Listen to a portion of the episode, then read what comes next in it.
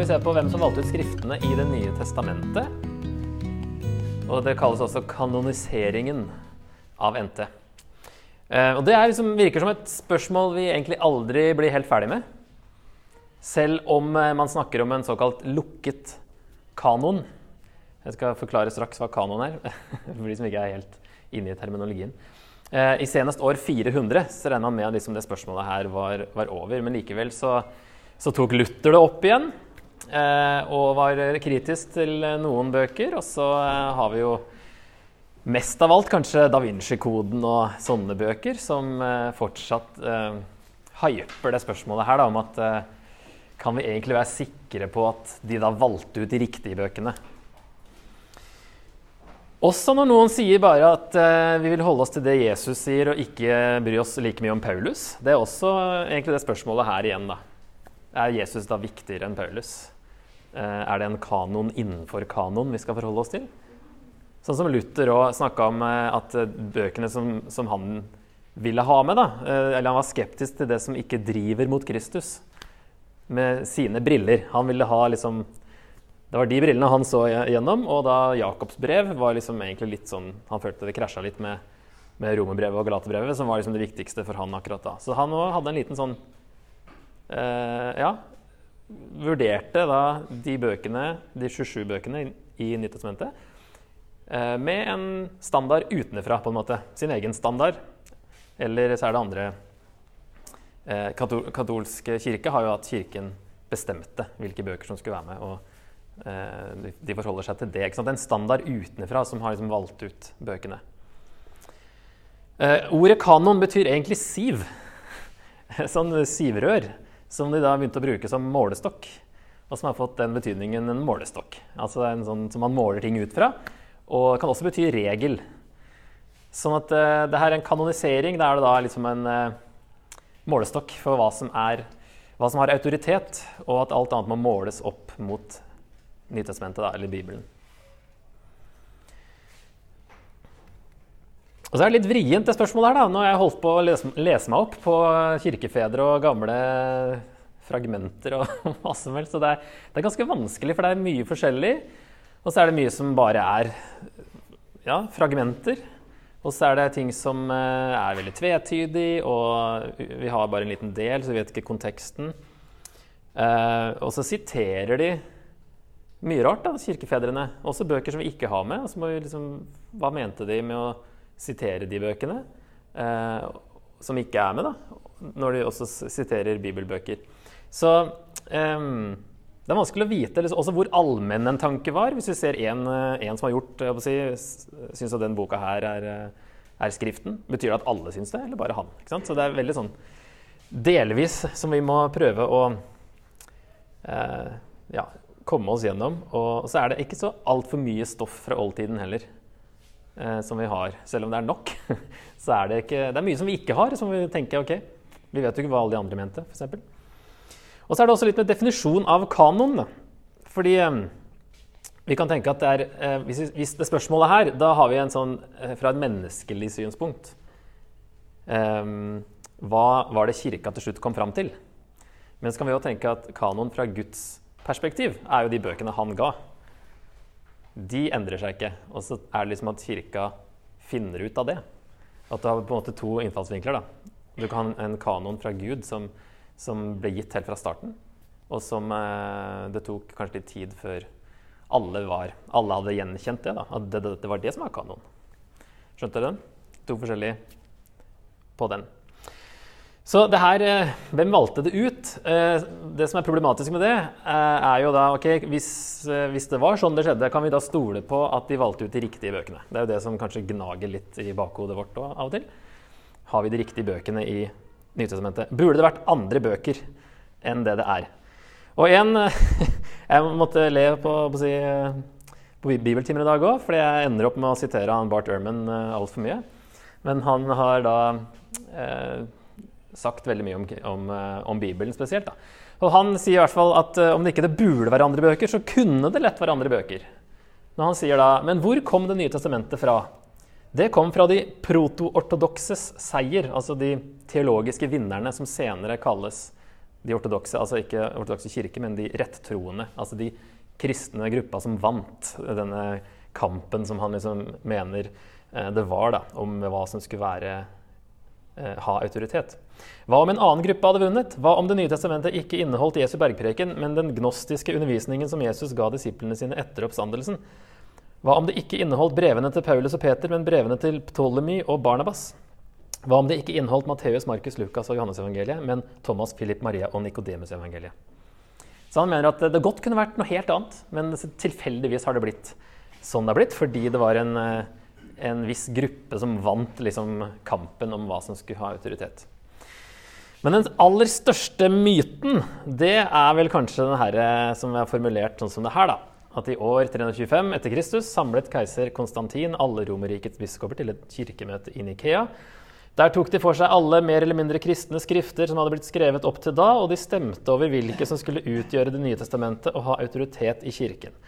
Resultatet ble de 27 bøkene vi har i NT i dag, men noen bøker manglet bare et par stemmer for å komme med. Konstantin overså hele prosessen og hadde en finger med i spillet. Derfor er det usikkert om de riktige bøkene egentlig ble med. Og det står faktisk i lærebøker på videregående av og til eh, i religion at eh, på det møtet her, der bestemte de hvilke bøker som skulle være med.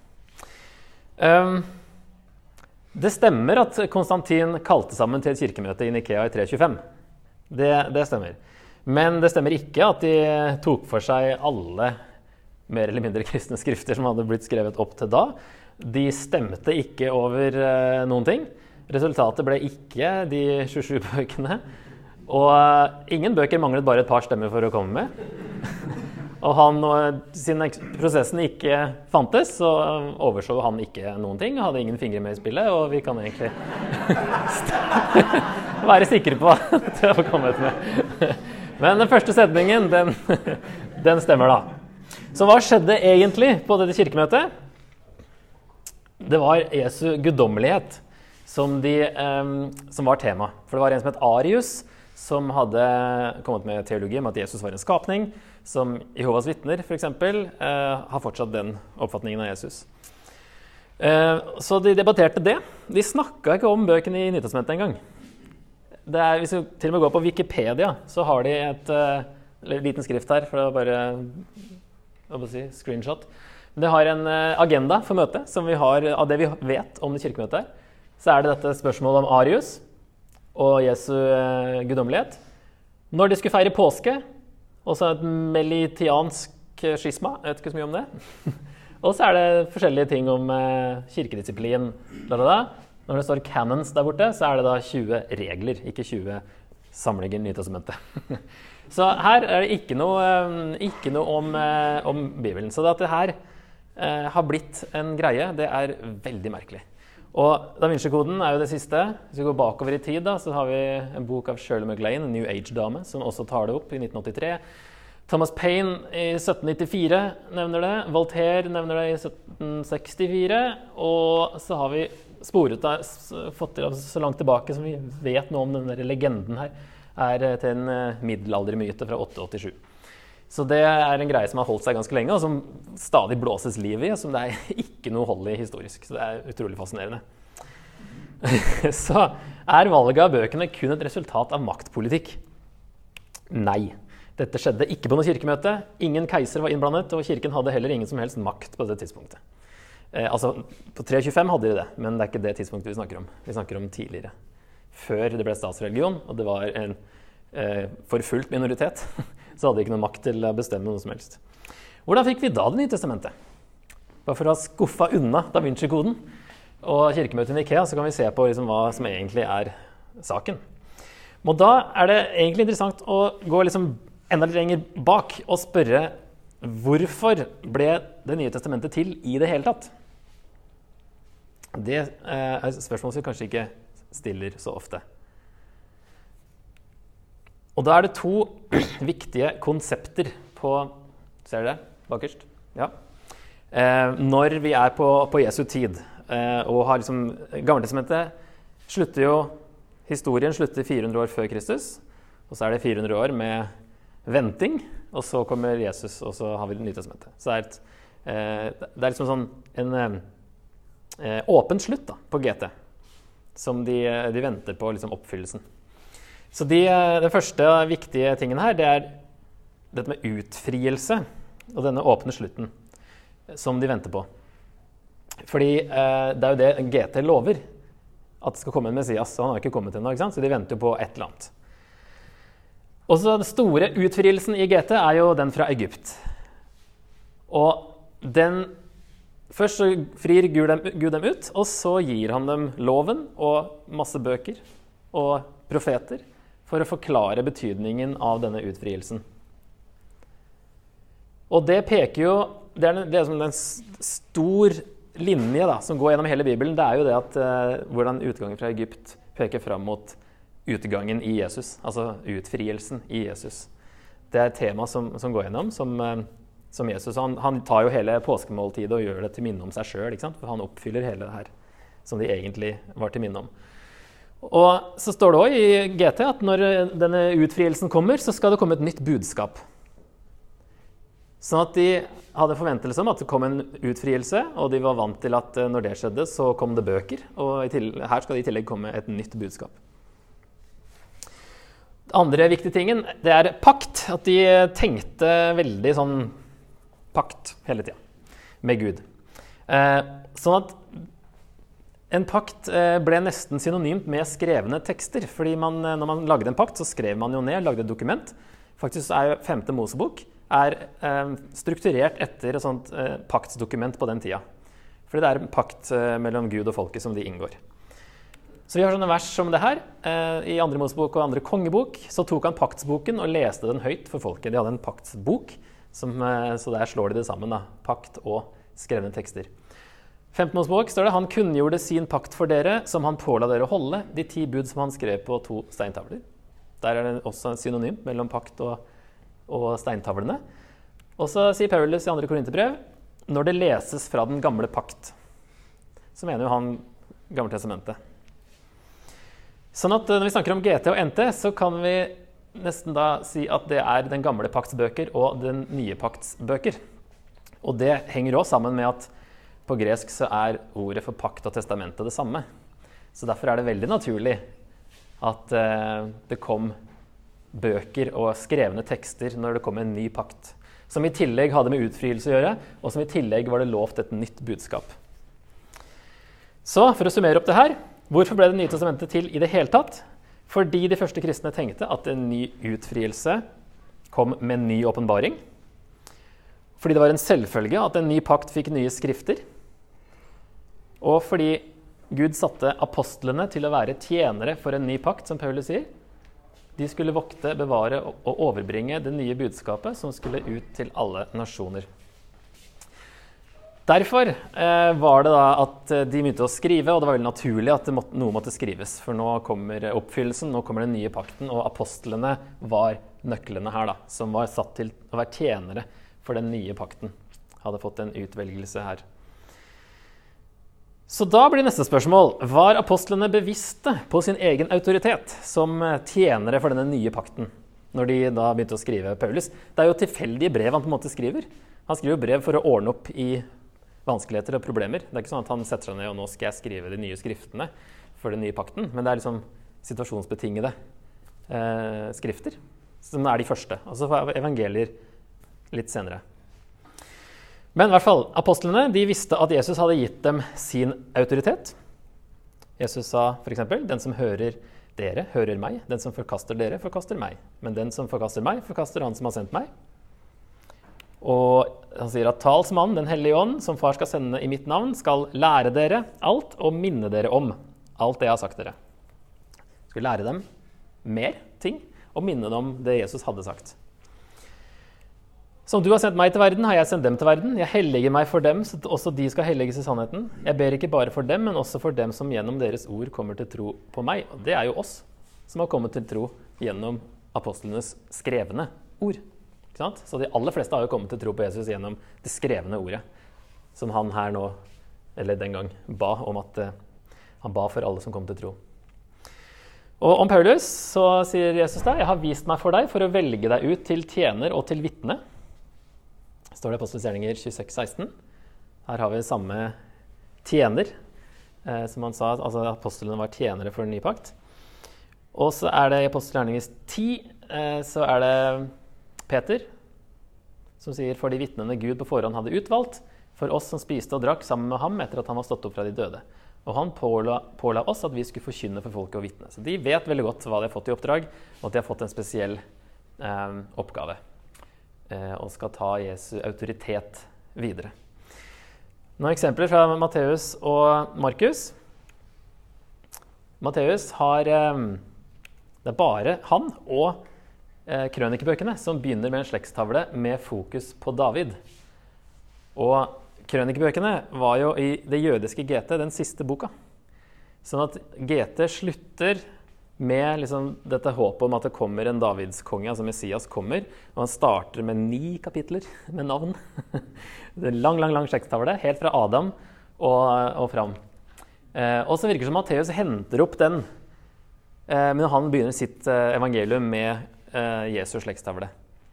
Sånn at eh, for virker som Matteus da, eh, ser på sitt evangelium som et, en fortsettelse på Guds frelseshistorie i Gammeltestamentet.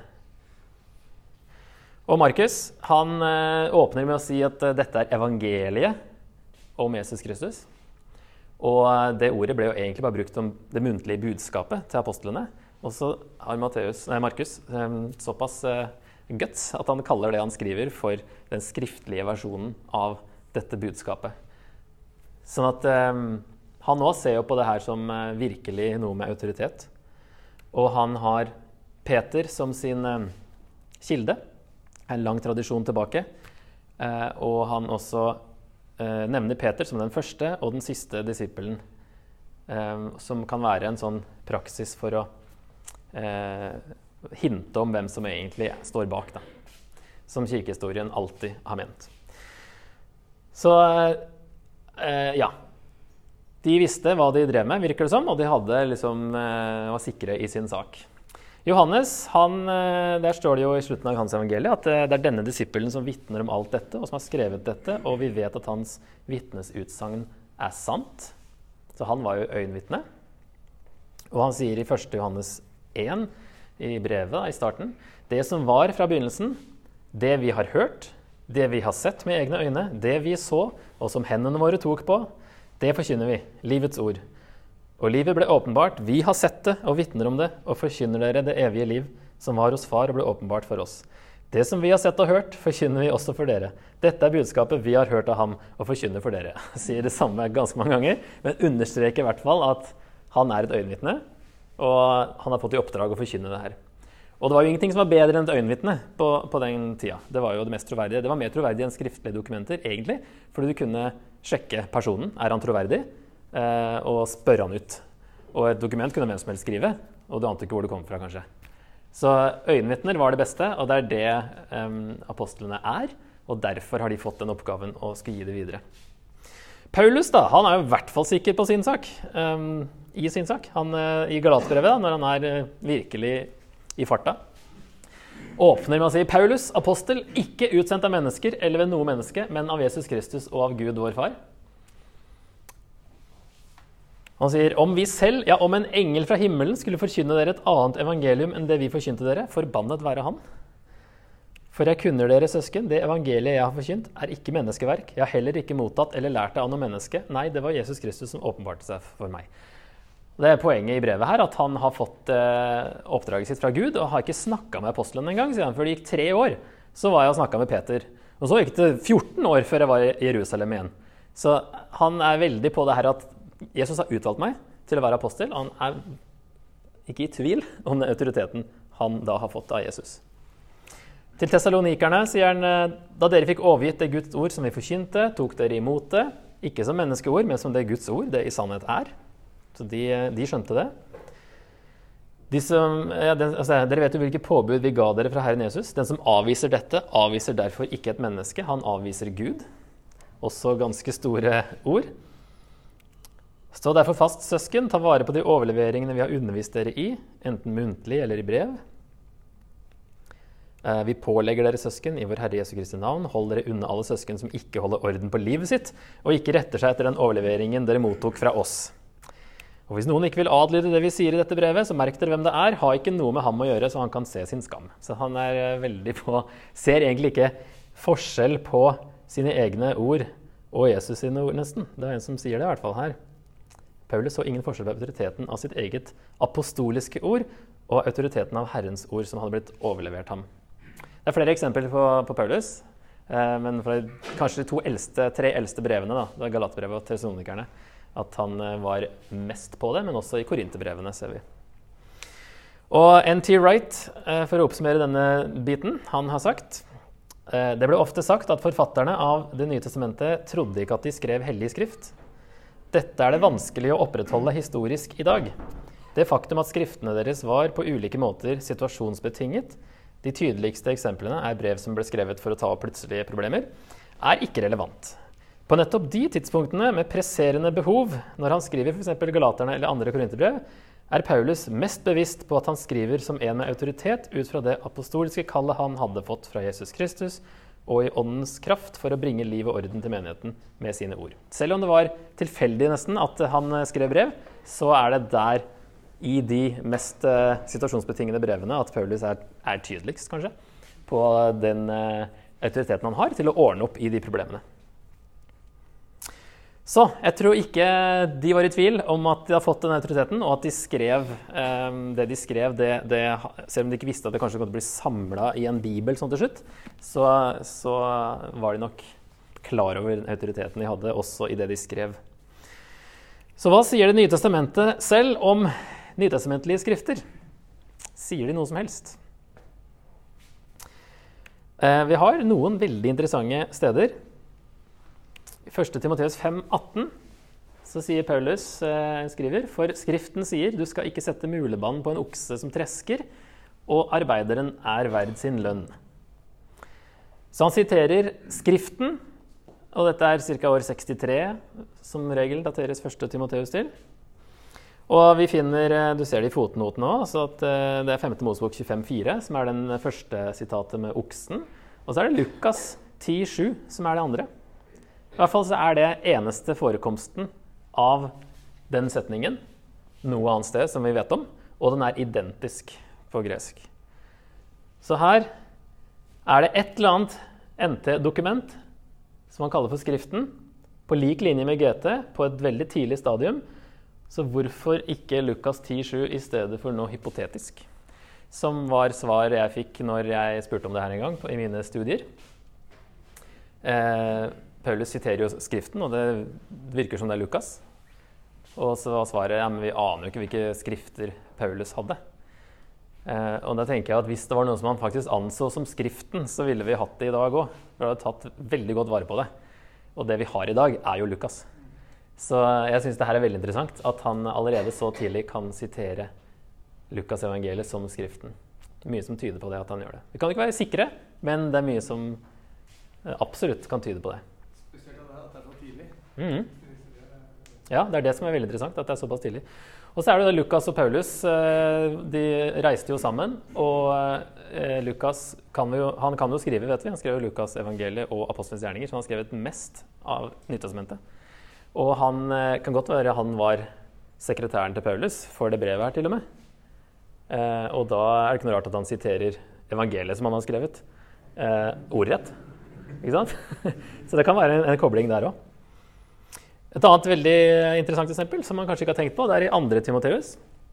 Et år kanskje etterpå så sier Paulus eh, til Timoteus da, når du kommer, må du ta med deg kappen som jeg lot bli igjen i Troas hos Karpos, og bøkene, framfor alt pergamentrullene, som er egentlig et latinsk ord som har blitt overtatt eh, av gresk, membranas. Eh, og Det ble brukt om en skinnbok, og det har faktisk 88-oversettelsen brukt sin, på norsk. da. Og Det er nok litt bedre, for det var egentlig ikke en rull. I hvert fall ikke i første århundre. Eh, det så heller sånn ut. At det var en sånn pergamentsamling i en bok som Ja, kodex. Dette er Codex Geneticus fra 300-tallet. Den eldste fullstendige bibel. Der vi har med alt. Eh, så de kristne begynte å lage bøker. Vi står egentlig bak boka som fenomen.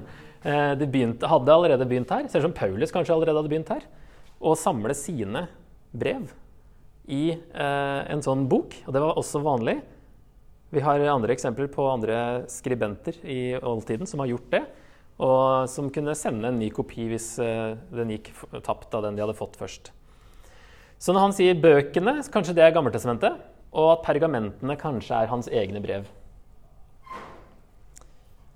Så hvis Paulus starta å samle, så er det ikke noe rart at kristne fortsatte å samle ting i bøker. Altså etter hvert begynte å eh, ha skriftene rundt, ta med seg skriftene i en bok. Mye mer eh, komfortabelt enn å bære på masse ruller, i hvert fall.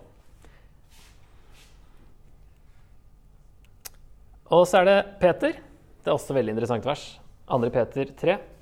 Og Herrens tålmod skal dere se som en mulighet til frelse. Det samme har jo også vår kjære bror Paulus skrevet til dere, ut fra den visdom som er gitt ham. Om dette taler han i alle de brevene hvor han kommer inn på disse spørsmålene. Det er noe der som er vanskelig å forstå, og de ukyndige og svake forvrenger dette, slik de også gjør med de andre skriftene, og det fører til fortapelse for dem selv. For det første så sier han at det er noe som er vanskelig å forstå hos Paulus. så det er greit å få med seg. At det er lov å synes at Paulus kan være litt vrien. Um, men så kaller han Paulus sine brev for de, altså, i samme kategori som de andre skriftene. Så han ser jo på Paulus-brevene som Skriften. I år 65. Ja. Skriftene kan også bety bare altså, skrift, altså skrift i dag, som ikke er Skriften. Vet ja. at det er Skriften med stor S her? Ja. Jo da, men det, er jo akkurat samme uttrykket de bruker om Gammeltestamentet når de siterer GT. Men vi ser kirkefedre er litt mer diffuse på det der, og kanskje snakker om bare noe som er skrevet som, eh, som det står skrevet, eller Skriften. Men i hvert fall i, i Bibelen så er det Når de siterer noe som ikke er i Gammeltestamentet, så bruker de ikke den, det uttrykket i det hele tatt. De bare henviser til noen dikter eller noen andre bøker uten å si det står skrevet eller Skriften. Så det her er nok Eh, heller at de så på det som, på samme nivå som, som GT. Paulus sine skrifter. Allerede når Peter skriver det her, kanskje 65 etter Kristus. Så han forventer at eh, leserne vet hva han snakker om, og at de er enige at Paulus sine brev er en del av Skriften. Det er ikke noe han argumenterer for, han bare sier at det kan være vanskelig. Så, men Det er liksom bare sånn i forbifarten at han nevner Paulus og de andre skriftene. Hadde han sagt altså, at de forvrenger Paulus sånn som de også gjør med Skriftene, da hadde det vært to forskjellige kategorier, ikke sant? men han sier Paulus og de andre skriftene. Samme kategori. Og så sier han nå, litt eh, tidligere faktisk i brevet, jeg ville minne dere om det de hellige profetene har sagt, og om det budet deres egne apostler har fra Herren og Frelseren. Er det en sånn todeling her? Profetene og apostlene? Er det GT og NT som begynner å ta form allerede på 60-tallet? Så eh, hva sier da NT om eh, NT selv? Det er i hvert fall flere ting som tyder på at både evangeliene, Paulus sine brev og andre apostlers brev ble ansett som Skriften på lik linje med GT så fort de var skrevet. Og da har vi da en sånn definisjon av kanon som kalles den ontologiske kanon. Eh, at vi har en ontologisk kanon allerede i det første århundret. Altså vil si, Skriftene var kanon så fort de eksisterte. Og det er det kanon fra Guds perspektiv. Ontologisk har bare med eh, eksistens å gjøre, egentlig. At de eksisterte. Og derfor eksisterte kanoen fra si, fem minutter etter det var ferdig skrevet. Egentlig fem minutter før det òg. så fort det var ferdig. Så, så eksisterte skriftet som, som kanon. Men hva sier kirkehistorien? Punkt fire. Nå kan det bli litt mye sånn Det er her det blir mye info. I hvert fall når jeg har prøvd å koke det veldig ned. da. Så eh, prøv å, prøv å henge med. Men, men, allerede i år 96 så er det en som heter Clemens, som skriver et brev. Og det er det første kristne skriftet som ikke er med i Nytestamentet. Det er det eldste vi har utenfor Nytestamentet. Og han skriver til korinterne et brev. Og han eh, sier da at apostlene mottok fra Herren Jesus Kristus det evangeliet de forkynte for oss. Jesus Kristus ble utsendt av Gud Kristus kommer altså fra Gud, og apostlene fra Kristus. Begge deler skjedde i god orden etter Guds vilje. Og så sier han nå at pga. misunnelse og nag ble de største og rettferdigste søyler forfulgt og måtte kjempe inntil døden. Så han ser på apostlene som utsendt av Kristus med evangeliet til å være kirkens søyler. Så han holdt jo de veldig høyt på et eget nivå, og hadde aldri noen ambisjoner om at hans brev skulle bli med i Nytestamentet. når apostlene var liksom noe helt annet. Han har en samling Paulusbrev, vet ikke hvor mange, men, men, vi har ingen beviser i manuskriptene på at eh, Paulusbrevene eh, eksisterte i en utgave som ikke inneholdt alle 13 brev. Vi har liksom ikke sånn, Her er en samling med fem Paulusbrev, og her er en med sju. Men det er alltid alle. Så kanskje han hadde alle. Han hadde i hvert fall mange. Og han bruker de veldig naturlig, forventer tydelig at mottakerne også har de samme brevene. Og han faktisk siterer eller alluderer, hvis det ikke er et tydelig sitat, til 22, fra 22 til 24 av de 27 bøkene. Så han er innom veldig mye i det ene brevet sitt. Det spørs hvor mye godvilje du legger til, da, og hvordan du tolker det som ikke er direkte sitat.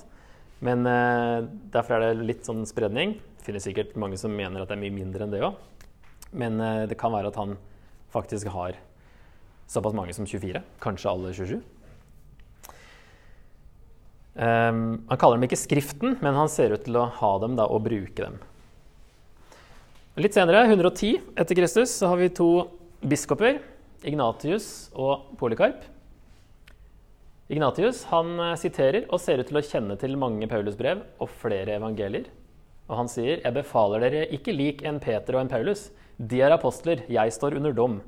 Igjen en sånn tydelig Apostlene er noe helt annet.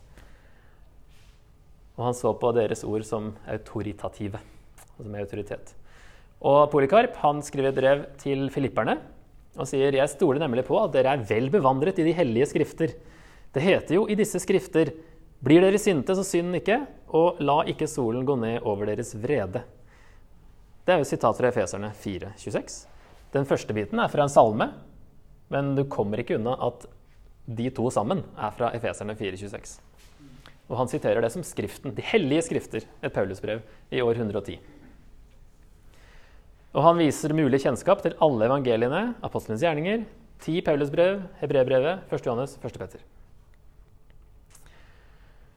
Justin Martyr, 150 ca., han sier at apostlene har i memoarene de skrev, som kalles evangelier, overlevert til oss det som ble pålagt dem.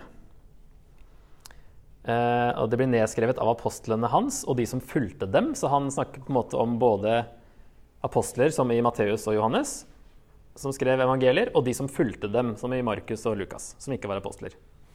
Så han er tydeligvis man er klar over det, at det er eh, apostler og også andre som har skrevet. Og så sier han også på den dagen som kalles søndag, samles alle som bor i byer eller på landsbygda, sammen på ett sted, og apostlenes memoarer eller profetenes skrifter leses så lenge tiden tillater det. Dette er veldig interessant, selv om det ikke høres sånn ut, kanskje. Men han sier her tre ting. Han sier at evangeliene leses i gudstjenesten på lik linje med GT. Det sier egentlig ganske mye. At de leser Skriftene sånn som vi gjør. Forhåpentligvis. I gudstjenesten. At eh, nå er evangeliene kommet opp på lik linje. Faktisk så nevnes de først. De er blitt enda viktigere enn GT. I år 150 i hvert fall. Og så sier han at alle kjenner til dem. Alle som bor i byer på landsbygda, kommer sammen på ett sted. Så her er det noe som alle gjør. En praksis. Så her virker det som i hvert fall de fire evangeliene er veldig eh, mye brukt og anses som, eh, som Guds ord. Eh, så har vi en biskop, 170. Han er òg veldig nøye med å adskille sine egne brev fra Herrens skrifter, så ingen skal tro at han skrev nye kanoniske bøker. Kaller sine egne brev mindreverdige. Så det er tydelig at han mente at kanoen var lukket allerede på det tidspunktet her, 170, og ikke 400, som vi er vant til å kanskje tenke.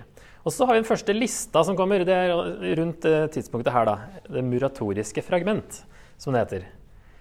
Eldste kanonliste vi har, men ikke dermed sagt en universell liste, som alle var enige om, men det er det eldste sporet vi har, da. Vi vet ikke hvem som skrev det, og hva han sto for, men høres ut som en solid fyr. Eh, Han eh, har med nesten alt. Han nevner ikke Hebrebrevet, Jakobs brev, 1. andre Peter og muligens 3. Johannes. Litt sånn diffus på Johannesbrevene hvor mange han nevner. Eh, men han sier ikke at de, at de eh, er falske, han bare nevner dem ikke. Men han avviser eksplisitt to falske Paulusbrev, som noen har skrevet. Og så avviser han et skrift som heter 'Hyrden' av Hermas. Og begrunnelsen er at det ble skrevet ganske nylig, i vår egen tid. Og ikke på apostlenes tid. Så det var ikke sånn at man satt og kunne fortsette å skrive masse ting, og så var det et kirkemøte som skulle plukke det ut til slutt.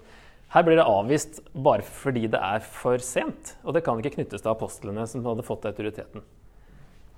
Og underforstått er de andre da tidlige skrifter. Mm, nemlig. Ja. Eh, så egentlig ble kanoen lukket etter apostlene.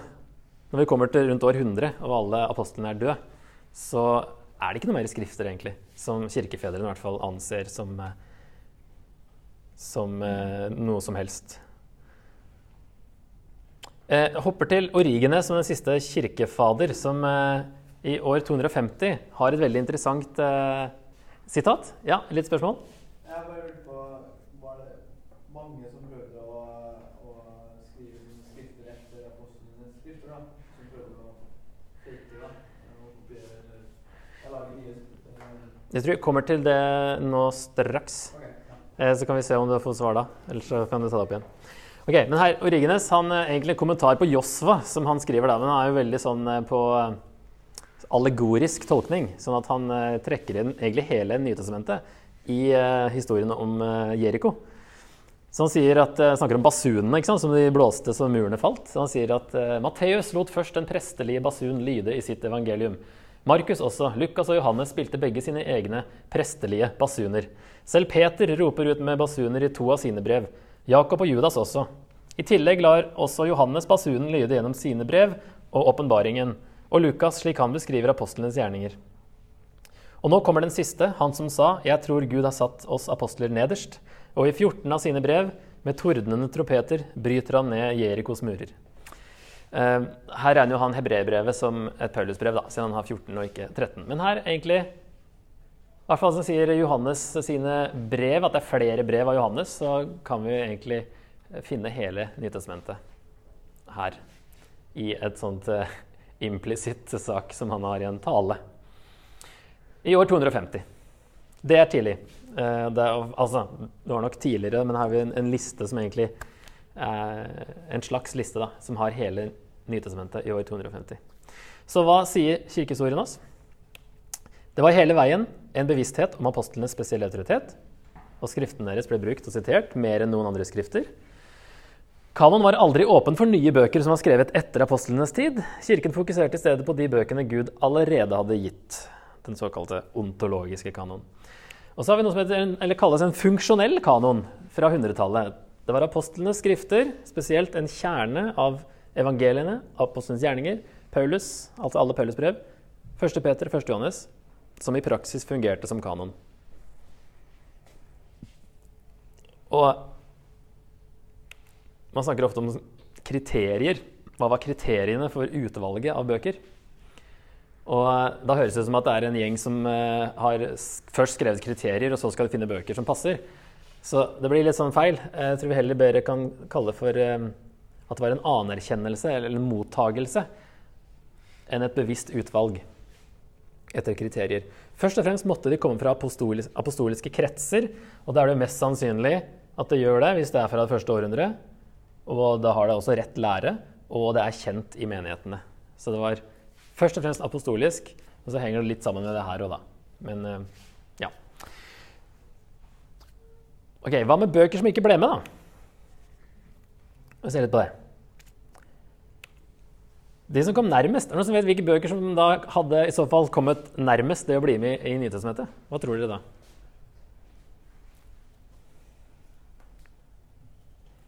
Er det noen som har forslag?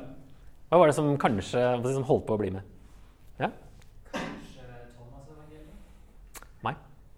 Men det er det beste av de, den gruppa. Det er det. Nei, det var eh, Barnabas-brevet og denne hyrden av Hermas. Som vi sikkert ikke har hørt om. eh, noen trodde det var skrevet av Barnabas i Apostelens gjerninger. Derfor var det noen som da mente at det her var eh, kanskje apostolisk. Men brevet sjøl nevner jo ingen forfatter, så det er en eller annen tradisjon der.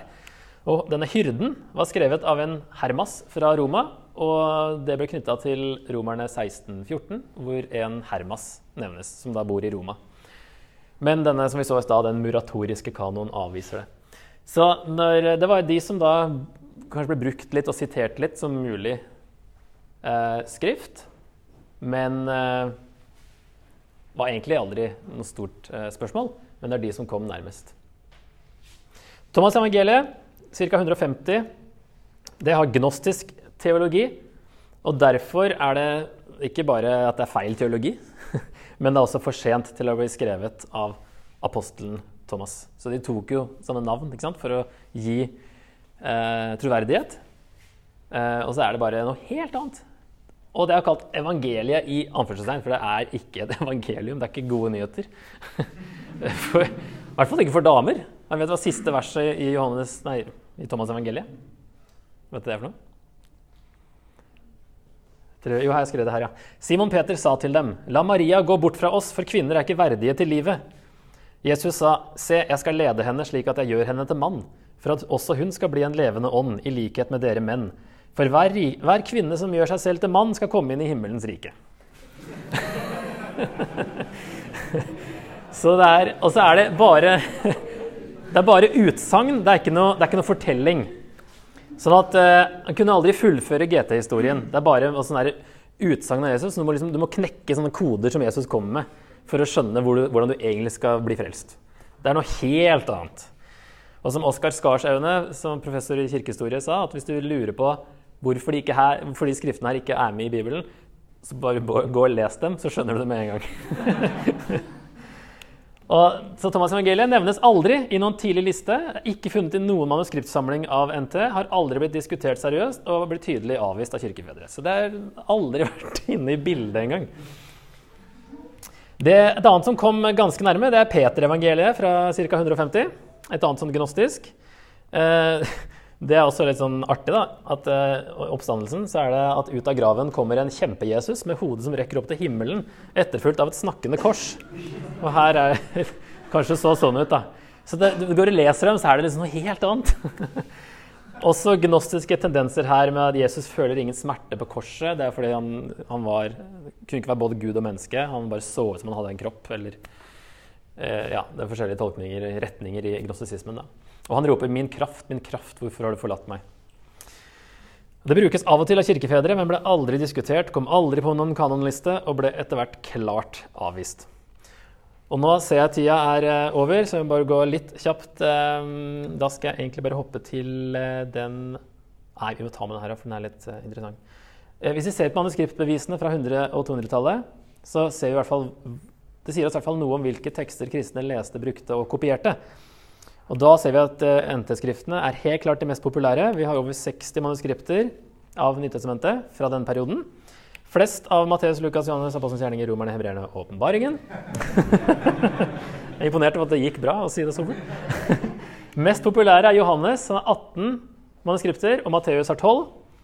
De apokryfe har 17 til sammen, og mest populære er Thomas med 3.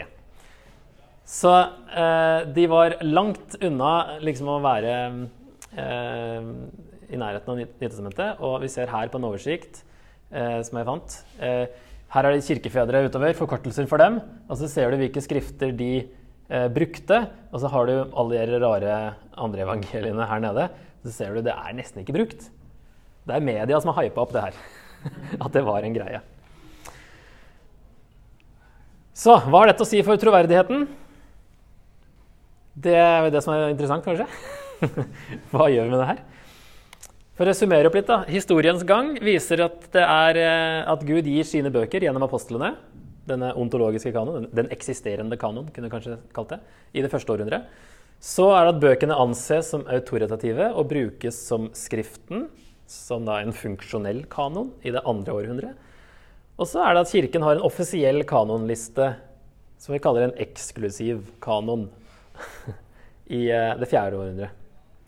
Det er den vi som regel hører om, men du ser at det har vært kan kalle, definere det på to andre måter tidligere. Så det var en prosess. Skjedde gradvis i menighetene i Romerriket, uavhengig av hverandre. Det var egentlig ikke noe sånt som satte i gang noen prosess, i hvert fall ingen makt, eh, et maktsete som befalte at eh, nå må vi finne ut av det her. Det var en prosess som skjedde egentlig av seg sjøl. Så Det nye testamentet er det skrevne uttrykket av det autoritative, grunnleggende øyenvitneoverleveringen som blir gitt av Jesu apostler. Og det uttrykket apostolositet handlet ikke om apostolisk forfatterskap, men mer om et skrift ble ansett for å inneholde autoritative eh, apostoliske overleveringer. Og at det skulle inneholde apostlenes lære, var jo mer, mest sannsynlig hvis det var én skrevet på apostlenes tid, og to skrevet av noen som fikk informasjonen sin direkte fra en apostel. Og det er jo det vi har i Nytestamentet. Så bøkene i NT ble ikke ansett som autoritative fordi Kirken erklærte det, ikke engang fordi de ble skrevet direkte av en apostel, men fordi de inneholdt den grunnleggende apostoliske lære. Så hvis vi finner liksom nye Paulusbrev, det er ofte et spørsmål da, hva om vi finner et brev som ikke har vært eh, som er begravd i sanda i alle år, og som er liksom et Paulusbrev, og det viser seg å være ekte, skal det inn i Bibelen da? Um, og det tror jeg egentlig eh, ikke det skal, fordi da har det ikke vært grunnleggende for kirka opp til nå. Da kan det ikke plutselig bli det nå, ved å komme inn i kanon og bli, bli med i denne apostoliske grunnleggende Da er Gud da tydeligvis ikke har bevart det brevet. Eh, eller Paulus sjøl. Det er brevet han har skrevet som, som ikke har blitt bevart. Det er flere korinterbrev som han nevner at han har skrevet, som vi ikke har. Et brev til Laudikea som han nevner. Så enten tok han ikke vare på de sjøl, for de var kanskje for uh, spesifikke, eller det er et av de som han mener han kanskje skrev litt for krast til korinterne. Så kanskje han ikke tenkte at det var for allmennheten. så han, han tok vare på de som han mente skulle sirkulere. Og han ber jo menigheter om å bytte brev og, og sirkulere rundt. Um, sånn at hvis han ikke har tatt vare på et, eller at Gud ikke har tatt vare på et, så er det sannsynligvis ikke grunnleggende for uh, kirka, og det blir litt sånn urettferdig om det plutselig skulle bli det fra nå, og ikke har vært det før. Så helt til slutt så vil jeg bare tipse om For det her er jo litt sånn eh, litt annen vinkling kanskje enn det man eh, vanligvis hører da, om kanon, også i eh, teologiske studier. Og da har jeg brukt tre bøker her. En som heter Michael Kruger, som er en autoritet på dette med kanon. Har en nettside, michaeljkruger.com. Skrevet en bok som heter 'The Question of Canon'. Der han, the 'Challenging the Status Quo in the New Testament Debate'. Der han kommer med litt nye Eller ja, utfordrer ting som har blitt tatt for gitt veldig lenge. Og som styrer tolkningen og debatten altfor mye, mener han. Så det er veldig interessant. Det er liksom, Hvorfor er det en kanon i det hele tatt? Det er den boka. 'Canon Revisited'. Eh, som handler liksom om bøkene og, og kanoen, kanskje litt mer sånn vi er vant til. Og så er det den siste, 'The Heresy of Orthodoxy', som går på um, eh, dette her med at eh, Som Erman refererte til i starten her, at det var en sånn kamp mellom masse forskjellige grupper. Og at de, de, som bestemte Nytestamentet, var tilfeldigvis de som vant. Så han går imot den også. Så det er en nyttig ressurs for de som er interessert i mer kanonstoff. Da har vi gått over tida. Hva gjør vi med det? Skal vi ta fem minutter med spørsmål? Hvis det er noen? Ja, da får vi se, da.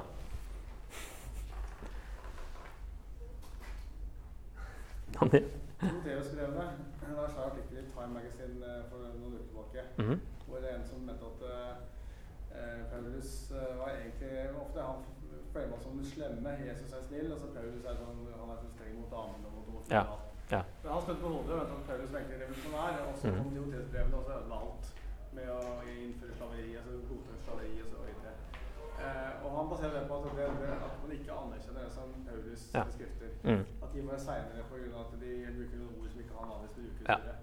Har du gode svar på det? Det er et flertall av forskerne mm. uttales, ja. mener at det ikke er Paulus da i dag. Eh, jeg syns det er veldig tynne argumenter, men ja. eh, har du kontakt med? Jeg syns òg det er egentlig om jeg har et godt svar, jeg syns egentlig de burde ha bedre argumenter for, å, for, å, mene det. Det står Paulus skrev det. Eh, vi har ingen beviser på at kristne lagde falske brev i andres navn. De gnostikerne er en helt annen gjeng. Men eh, det er ikke noen beviser for det. Og det at Paulus bruker et annet vokabular eh, enn han andre gjør andre brev, det, det, gjør alle. Og det er veldig subjektive ting som styrer tolkningene, egentlig, i de tilfellene de mener at nei, det er ikke Paulus, fordi vi mener at han ikke ville sagt det på det tidspunktet her. Eller menigheten var ikke så etablert med sånn struktur på det tidspunktet her. Fordi vi har bestemt at det ikke var det. Ja. Nei. Så det, det er en veldig dårlig argumentasjon, syns jeg. Var det flere spørsmål? Ja. Eh, det, det, jeg hørte med en bok fra sånn relativt tidlig kirkehistorie som heter ikke den DDK. Det- Ja. Eh, Ja. Ja, eh, det kalles også, også de Jeg glemte å repetere spørsmålet, men den hørte kanskje den første her.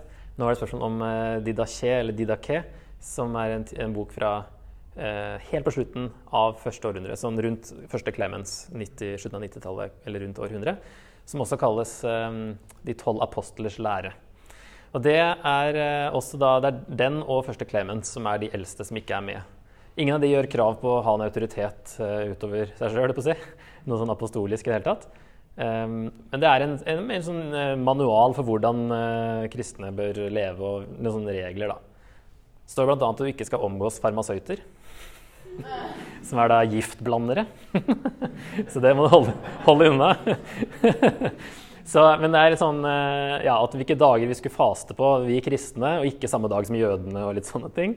Så, ja, men det er også et av de aller eldste som da ikke er med i Nytestamentet.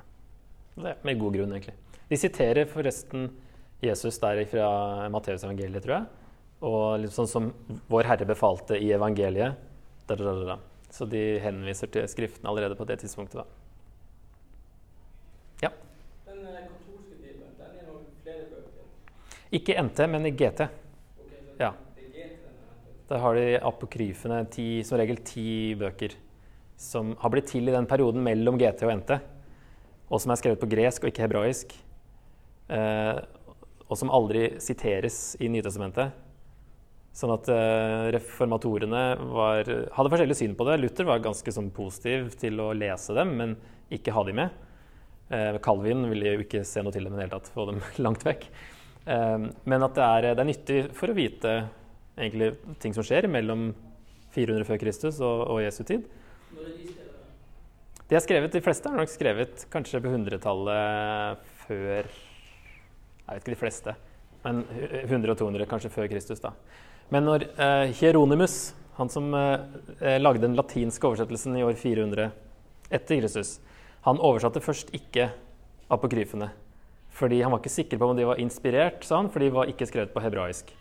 Men så kom det noe press fra myndighetene om at de skulle være med, og så tok han dem med, og så har de vært i eh, katolske bibler siden da. Men eh, det var egentlig ikke før etter reformasjonen, når Luther hadde kritisert det her, at de hadde et eh, kirkemøte i 1500 og rundt 1550 der de offisielt sier at eh, apokryfene er hellig skrift. Så før 1550 et eller annet, så, så var det ikke noe offentlig erklæring om at det her var hellig skrift. Det hadde bare vært med. Sånn at eh, Det var da en motreaksjon på det Luther sa, at nei, det er hellig. så det er nyttig å lese, men eh, det er liksom litt annen eh, smak på det også, når du leser det i forhold til, til resten av GT. Og der er også, liksom, de gjør ikke noe krav på å være eh, profeter der heller, som skriver. Da tror jeg vi avslutter, så kan de som ikke har spist, få spise litt. Og så eventuelt ta med spørsmål etterpå. Ja.